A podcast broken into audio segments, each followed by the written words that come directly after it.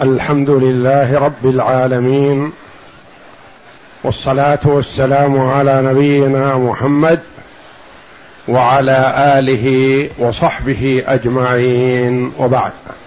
بسم الله. بسم الله الرحمن الرحيم. الحمد لله رب العالمين والصلاة والسلام على أشرف الأنبياء والمرسلين نبينا محمد وعلى آله وصحبه أجمعين. قال الناظم رحمه الله تعالى فخذ من المماثلين واحدا وخذ من المناسبين الزائدا واضرب جميع الوفق واسلك بذاك أنهج الطر واضرب جميع الوفق في بالموافق واسلك بذاك أنهج الطرائق. واضرب. واضرب جميع الوفق بالموافق واسلك بذاك أنهج الطرائق. تقدم لنا قول الناظم رحمه الله. وإن ترى الكسر على أجناس فإنها في الحكم عند الناس.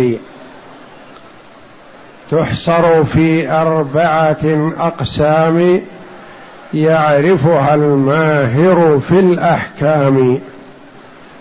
مماثل من بعده مناسب وبعده موافق مصاحب والرابع المباين المخالف ينبيك عن تفصيلهن العارف. ثم قال هنا فخذ من المماثلين واحدا. وخذ من المناسبين الزائدا واضرب جميع الوفق في بالموافق واسلك بذاك أنهج الطرائق. وستأتي البقية إن شاء الله. هناك بين لنا المؤلف أن الكسر قد يكون في عدد الكسر يكون على فريق وعلى فريقين وعلى ثلاث فرق وعلى أربع فرق.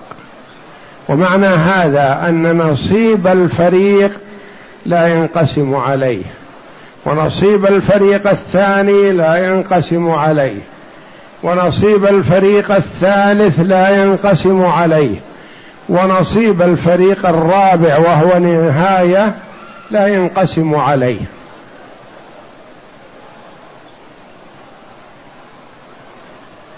فكيف العمل؟ يقول رحمه الله أمامك خطوتان. أو نظران. النظر الأول بين النصيب أو الحظ أو السهم والرؤوس. ثم النظر الثاني بين المثبتات. لا تقل بين الرؤوس. إذا قلت النظر الثاني بين الرؤوس يكون خطأ. لأن قد تكون الرؤوس خمسة عشر والمثبت ثلاثة. قد تكون الرؤوس عشرة والمثبت اثنان.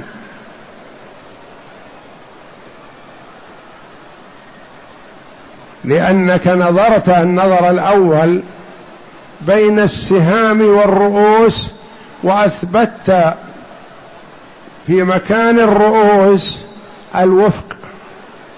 ما اثبتت الرؤوس كلها. ثم تنظر بين المثبتات.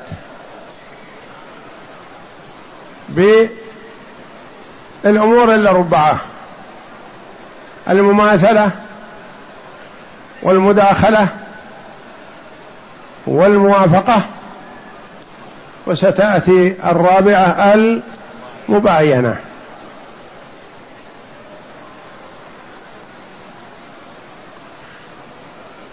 ستأتي الأمثلة إن شاء الله لكن الآن في الكلام العام. الرؤوس مثلا تسعة والسهام سهامهم ثلاثة. نثبت الرؤوس كلها؟ لا. لنا نظر النظر الأول بين السهام والرؤوس. فنقول السهام ثلاثة والرؤوس تسعة بين الثلاثة والتسعة موافقة بماذا؟ بالثلث. فنثبت ثلث الرؤوس. فلم نثبت الرؤوس كلها وإنما أثبتنا الوفق.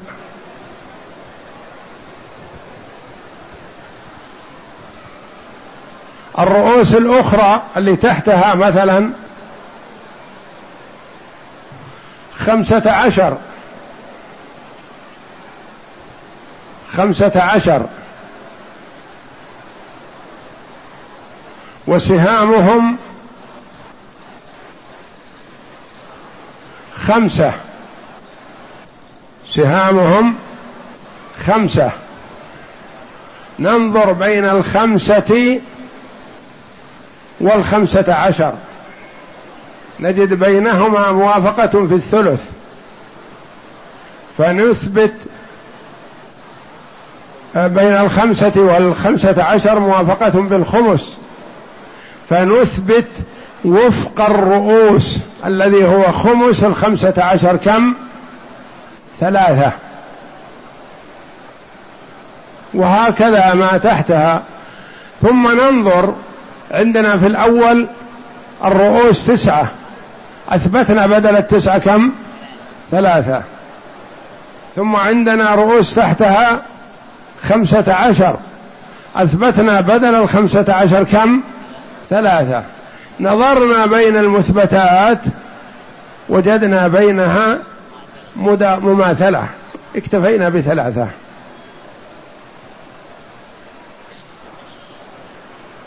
النظر الأول بين السهام والرؤوس. وهذا يكون بأحد أمرين. بعد الانقسام يعني إذا كان منقسمة فنستريح منها. لكن ما انقسمت لا يخلو إما أن تكون فيه موافقة أو مباينة. فعند الموافقة نثبت الوفق وعند المباينة نثبت الكامل.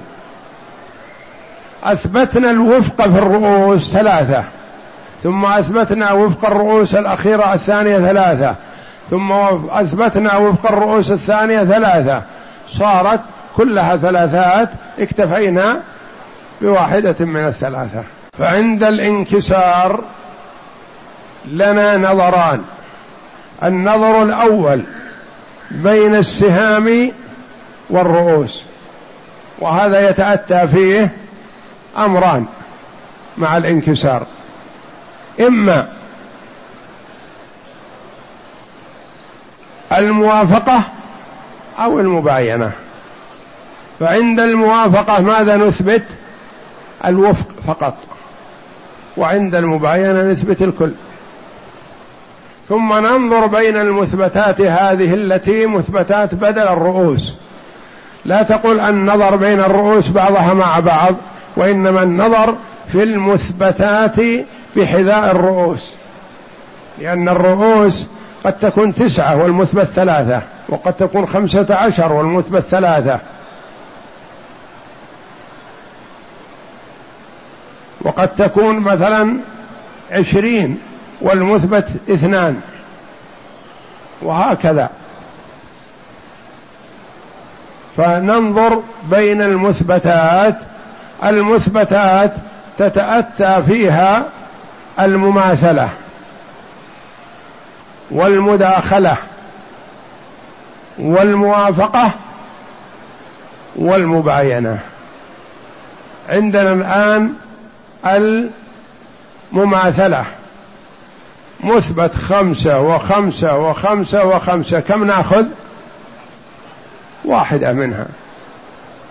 عند المتماثلات ناخذ واحد. مثبت عندنا ثلاثة وثلاثة وثلاثة ناخذ واحدة منها ثلاثة.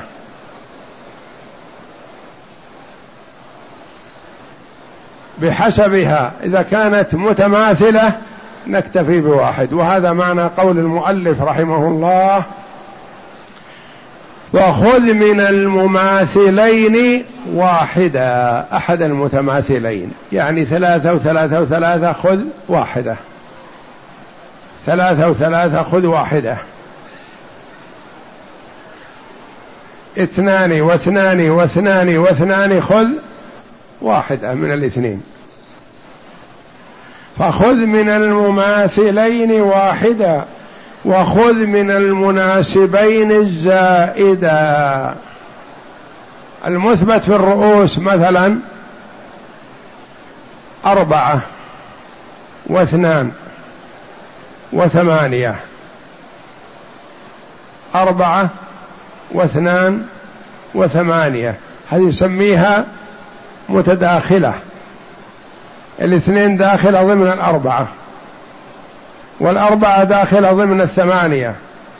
أو تقول الاثنان والأربعة داخلة ضمن الثمانية. فنأخذ الثمانية الزائدة يعني الكثيرة. ثلاثة وستة وتسعة مثلا.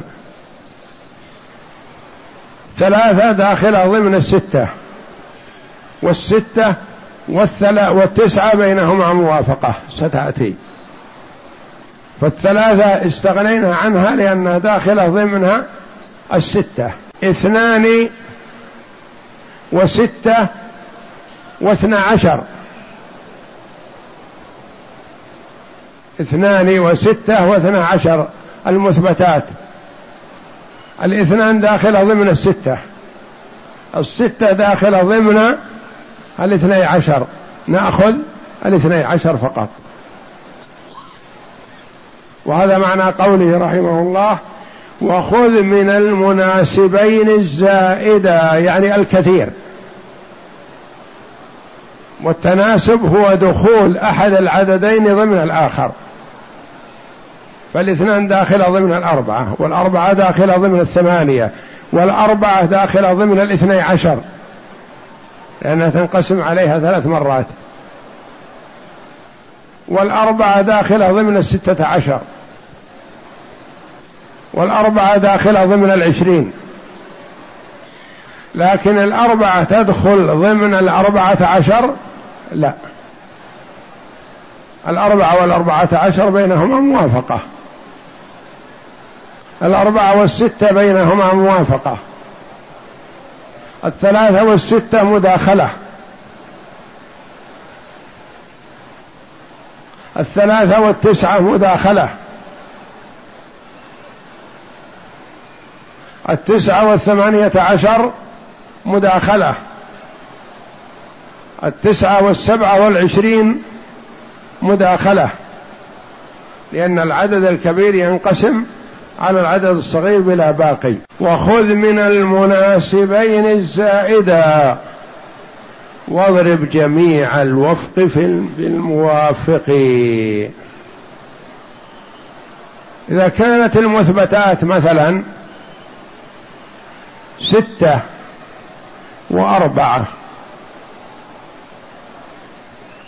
ستة وأربعة. نقول بينهما موافقة. يتفقان في النصف. الستة لها نصف صحيح وهو ثلاثة والأربعة لها نصف صحيح وهو اثنان. فنأخذ نصف أحدهما ونضربه بالآخر والناتج هو جزء السهم.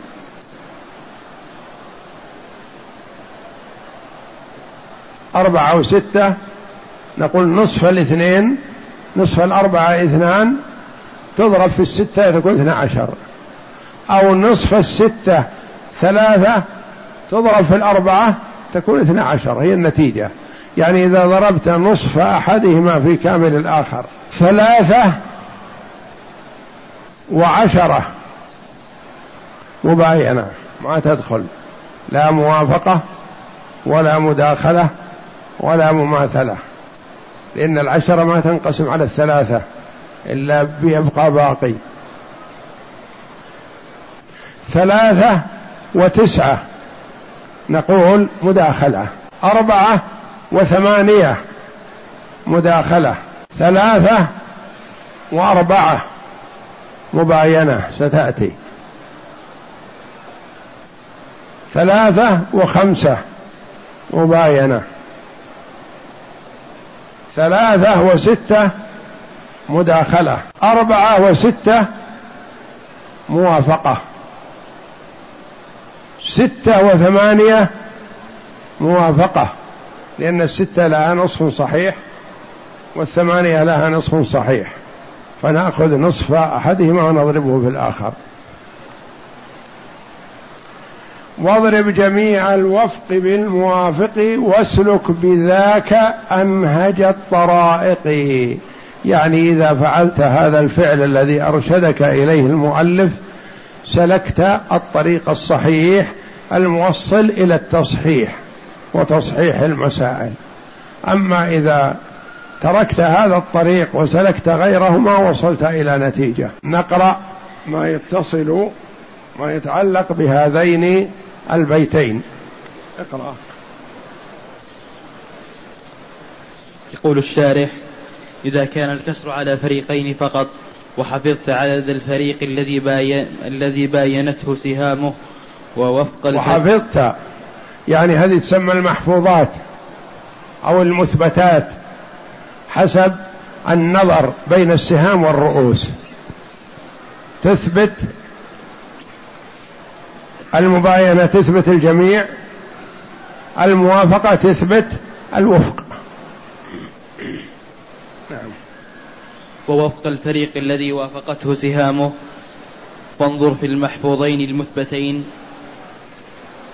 فإن كانا متماثلين فخذ أحدهما وإن كانا متناسبين فخذ الزائد منهما وإن كان وإن كانا متماثلين فخذ أحدهما يعني ثلاثة وثلاثة.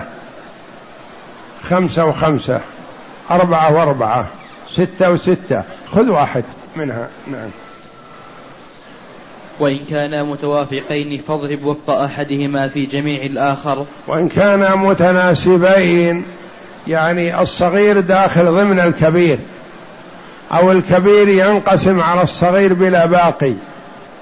يعني اثنين وأربعة هذا يسمى متناسبة أو متداخلة لأن الأربعة تنقسم على اثنين بلا باقي.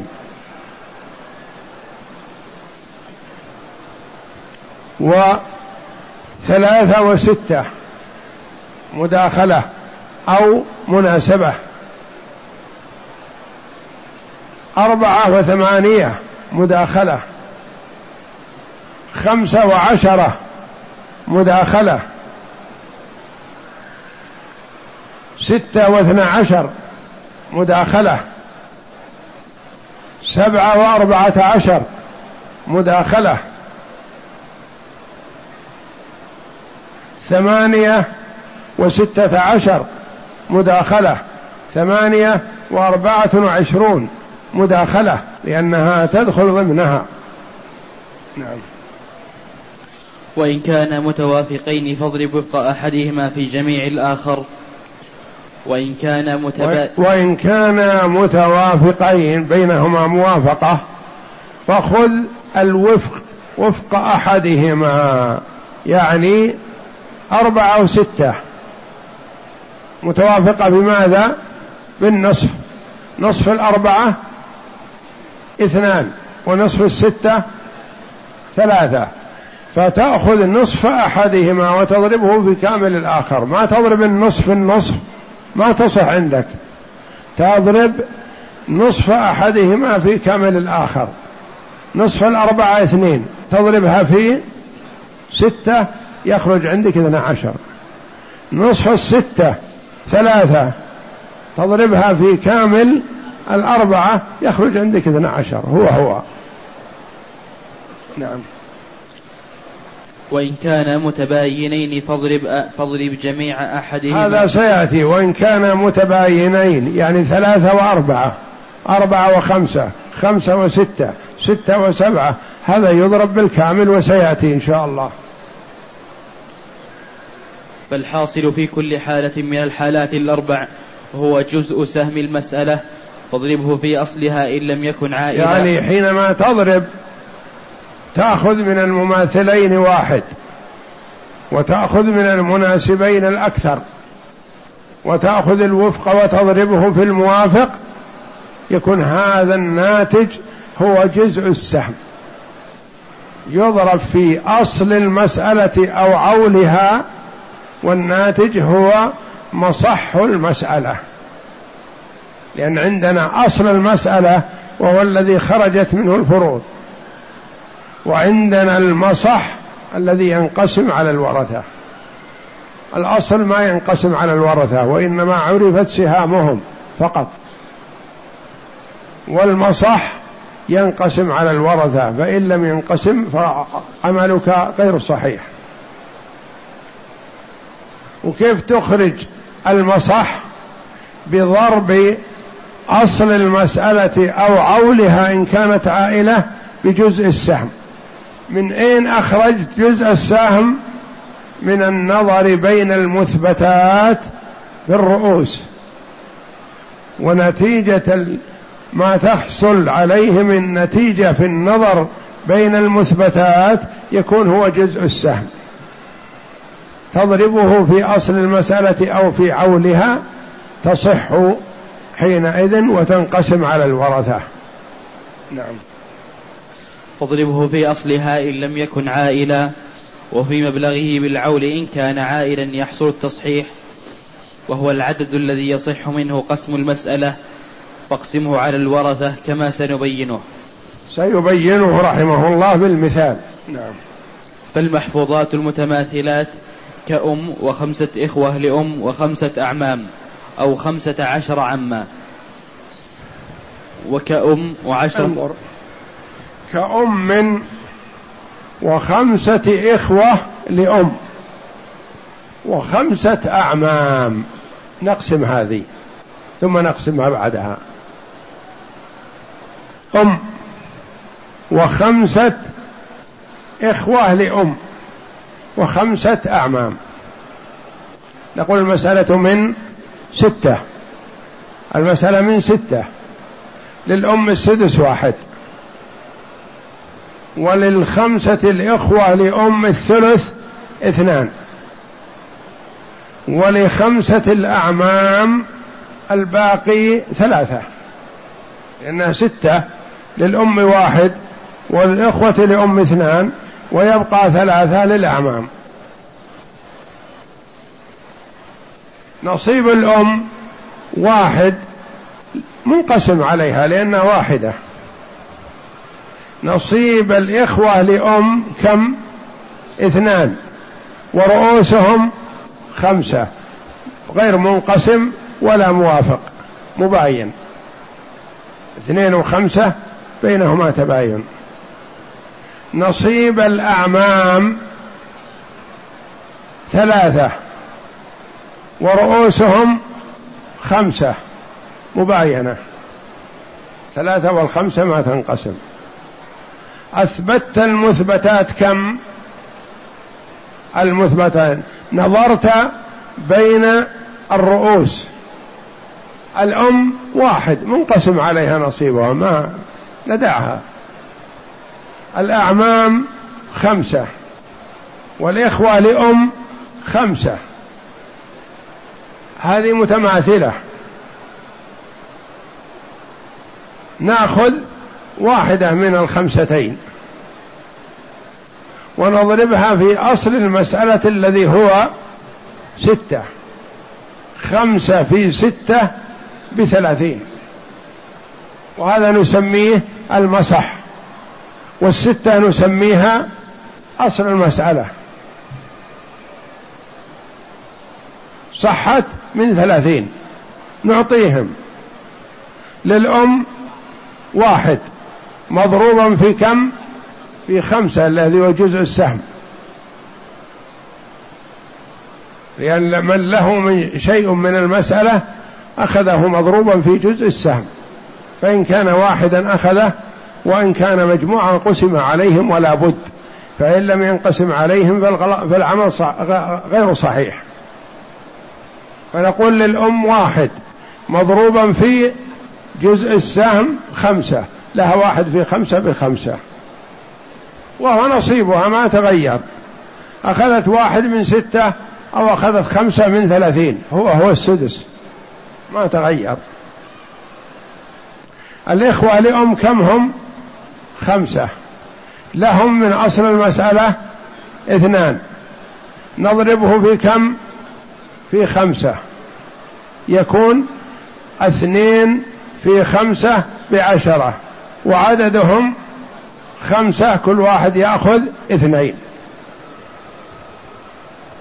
الأعمام كم نصيبهم من المسألة؟ ثلاثة. نضربه في جزء السهم. كم هو؟ خمسة. ثلاثة. في خمسة؟ بخمسة عشر. ورؤوسهم كم؟ خمسة. لكل واحد ثلاثة.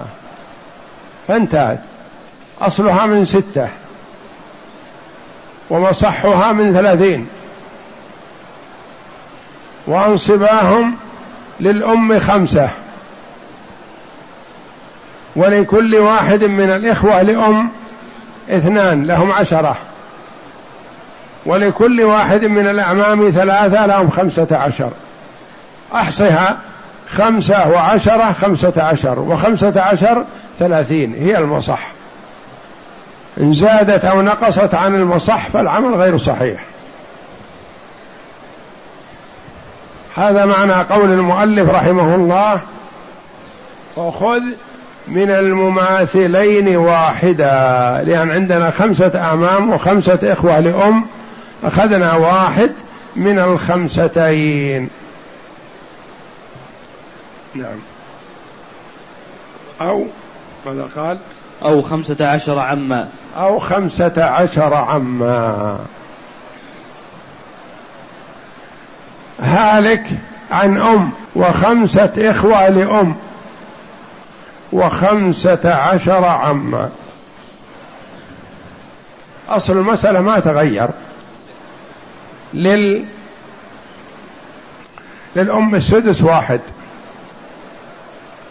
وللإخوة لأم اثنان الثلث.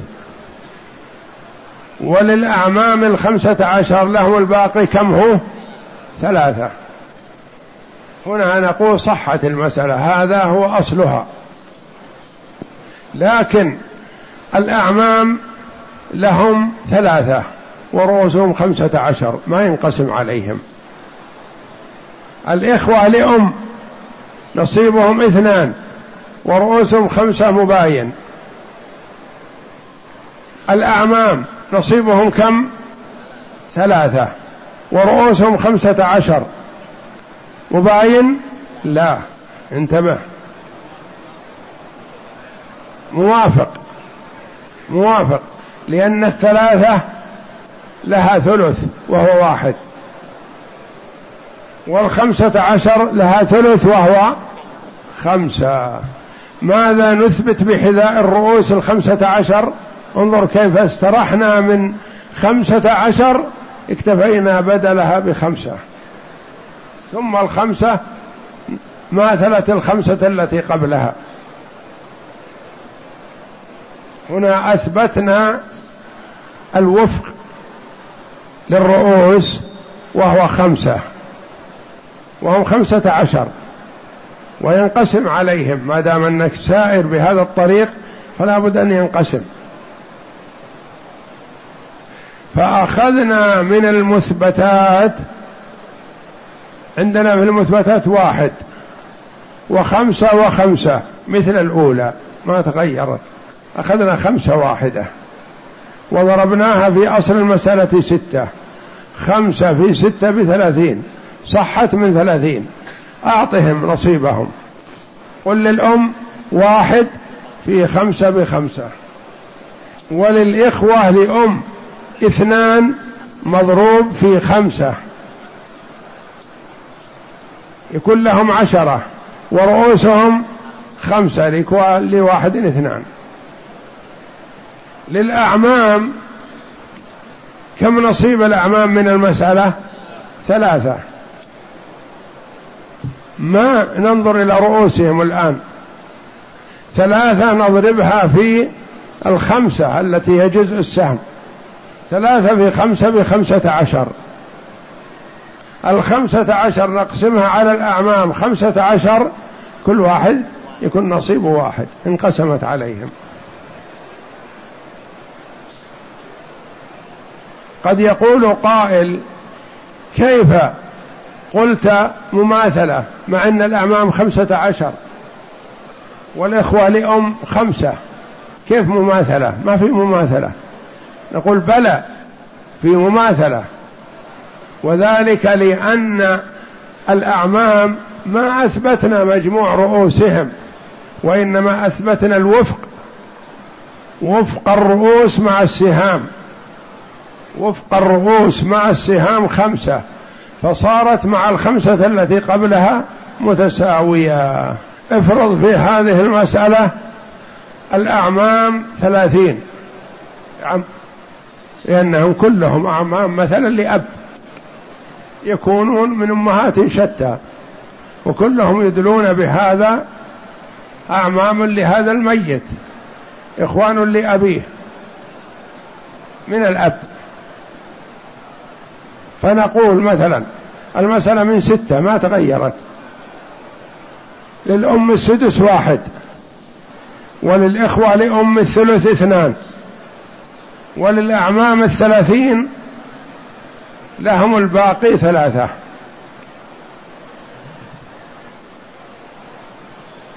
ننظر بين نصيب الإخوة لأم نصيبهم اثنان. ورؤوسهم خمسة مباينة. ننظر بين نصيب الأعمام. الأعمام نصيبهم كم؟ ثلاثة. ورؤوسهم ثلاثين. بين الثلاثين والثلاثة ماذا؟ موافقة. موافقة بماذا؟ بالثلث. لأن الثلاثة لها ثلث صحيح وهو واحد. والثلاثون لها ثلث صحيح وهو عشرة. فيكون جزء السهم في هذه المسألة عشرة. ناخذ الزائد. ننظر بين المثبتات. المثبتات الأم واحدة. والإخوة لأم خمسة. والأعمام بدل ما هم ثلاثين اكتفينا منهم بعشرة. واحد وخمسة وعشرة. ننظر بينها. نقول الواحد منقسم. الخمسة والعشرة بينهما مداخلة. نكتفي بالزائد الذي هو العشرة. نضرب عشرة في ستة فتصح من ستين. عشرة التي هي جزء السام تضرب في ستة التي هي أصل المسألة. عشرة في ستة بكم؟ بستين. نعطيهم. للأم. واحد في كم في جزء السام عشرة. واحد في عشرة بعشرة. أخذت عشرة من ستين أو واحد من ستة. سيان. ما اختلف. هو السدس. للإخوة لأم لهم اثنان. مضروب في جزء السهم عشرة. اثنان في عشرة بعشرين. ورؤوسهم كم؟ خمسة. لكل واحد أربعة. نقسم العشرين على الخمسة لكل واحد أربعة منقسم. للأعمام من المسألة ثلاثة. مضروبا في جزء السهم عشرة.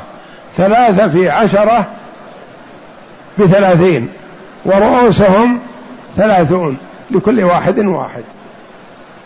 يعني الأعمام لكل واحد منهم واحد من من ستين. وعشر السدس.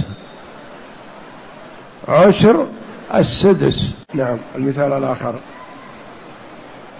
وكأم. وكأم وعشرة إخوة وعشرة إخوة لأم.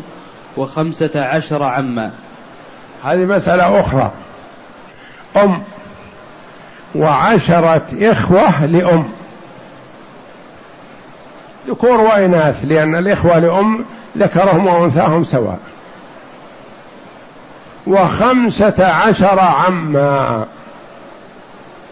نقول المسألة من ستة. للأم السدس واحد. ولعشرة الأعمى الإخوة لأم الثلث اثنان.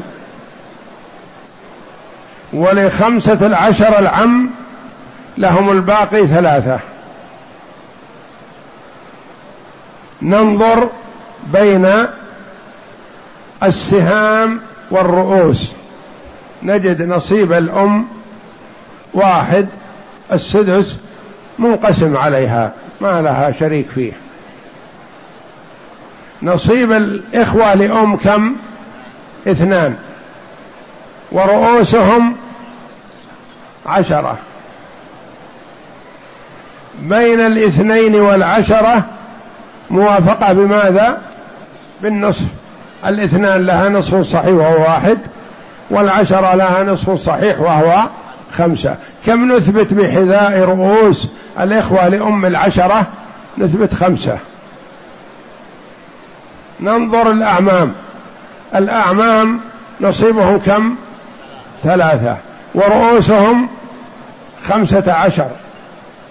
بين الثلاثة والخمسة عشر موافقة بالثلث. ثلث الخمسة عشر خمسة وثلث الثلاثة واحد. نثبت ثلث الرؤوس خمسة. جينا إلى النظر الثاني بين المثبتات عن الرؤوس. وجدنا مثبت للإخوة لأم خمسة بدل العشرة. ومثبت للأعمام خمسة بدل الخمسة عشر. فنظرنا بين الخمسة والخمسة وجدناها مماثلة أخذنا جزء السهم خمسة. ضربناه في أصل المسألة بخمسة في ستة صحت من ثلاثين مثل الأولى. وأعطيناهم. قلنا للأم واحد في خمسة بخمسة. وللإخوة لأم اثنان في خمسة بعشرة لكل واحد واحد. وللأعمام ثلاثة في خمسة بخمسة عشر ورؤوسهم خمسة عشر لكل واحد واحد. اقرأ وكأم وعشرة إخوة لأم وكأم وعشرة إخوة لأم وخمسة عشر عما جزء سهمهما خمسة في الصور الثلاث وتصح من ثلاثين. جزء السهم منها خمسة لأنها بين الأعمام ورؤوس نصيبهم وسهامهم موافقة وبين الإخوة لأم وسهامهم موافقة. أثبتنا الموافقة في الأعمام خمسة والموافقة في الإخوة لأم خمسة. نظرنا بين الخمستين وجدناها متماثلة. اكتفينا بواحد منها وضربناه في الستة أصل المسألة فصحت المسألة من ثلاثين. نعم. المتناسبان كأم وأربعة إخوة لأم وأربعة أعمام. أو اثني عشر عما. أترك أو كأم وأربعة إخوة لأم وأربعة أعمام. أم وأربعة إخوة لأم وأربعة أعمام. المسألة من كم؟ المسألة من ستة لأن فيها إخوة لأم وفيها أعمام وفيها أم. للأم السدس واحد. وللإخوة لأم الثلث اثنان. اثنان ورؤوسهم كم؟ أربعة. وللأعمام الباقي وقدره ثلاثة. ورؤوسهم أربعة. ننظر النظر الأول بين السهام والرؤوس. نجد سهام الإخوة اثنان ورؤوسهم أربعة. نجد بينهما موافقة بالنصف. فنثبت بدل رؤوس الأعم الإخوة بدل أربعة نثبت اثنين. ننظر بين سهام الأعمام وهو ثلاثة ورؤوسهم أربعة. نجدها مباينة. نثبت الأربعة بكاملها. نثبت الأربعة أربعة الرؤوس. ننظر بين الاثنين وبين الأربعة. نجد بينهما موافقة مناسبة يعني أنها متداخلة الاثنين داخلة ضمن الأربعة. نأخذ جزء السهم أربعة. نضربه في ستة فتصح من أربعة وعشرين. ونقول للأم واحد في أربعة بأربعة وهو السدس. وللإخوة لأم اثنان في أربعة بثمانية ورؤوسهم أربعة لكل واحد اثنان. وللأعمام ثلاثة في أربعة باثني عشر. ورؤوسهم أربعة لكل واحد ثلاثة. أو اثني عشر عما. يعني أم وأربعة إخوة لأم واثنى عشر عم. المسألة من كم؟ من ستة. للأم السدس واحد. وللإخوة لأم الثلث اثنان والباقي للأعمام كم الباقي؟ ثلاثة ورؤوسهم اثنى عشر ننظر بين المثبتات نقول الإخوة لأم لهم سهمان ورؤوسهم أربعة بينهما موافقة نثبت بدل رؤوس الأعمام أربعة الإخوة نثبت اثنين الأعمام لهم ثلاثة. سهامهم. ورؤوسهم اثنى عشر. بينها موافقة بماذا؟ بالثلث. ثلث الثلاثة واحد. وثلث الأربعة الاثنى عشر أربعة. كم نثبت؟ أربعة. نظرنا بين المثبتات. الأم واحدة. والأعمام الإخوة لأم كم؟ اثنان. اثنان. لأن أثبتنا ولا هم أربعة لكن أثبتنا اثنين. والإخوة والأعمام الأعمام أثبتنا بدلها أربعة. فالأربعة تفني الاثنين فنأخذ الأربعة ونضربها في أصل المسألة فتصح من أربعة وعشرين مثل ما سبق. من أربعة وعشرين للأم واحد في أربعة بأربعة وللإخوة لأم اثنان في أربعة بثمانية لكل واحد اثنين. وللأعمام لهم ثلاثة مضروب في أربعة باثنى عشر وهم اثنى عشر عم لكل واحد واحد. وهذا في المداخلة. المداخلة أو المناسبة.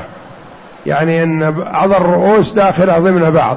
وسيأتي الكلام على الموافقة إن شاء الله مع الكلام على المباينة في الدرس القادم إن شاء الله. والله أعلم. وصلى الله وسلم وبارك على عبده ورسول نبينا محمد وعلى آله وصحبه.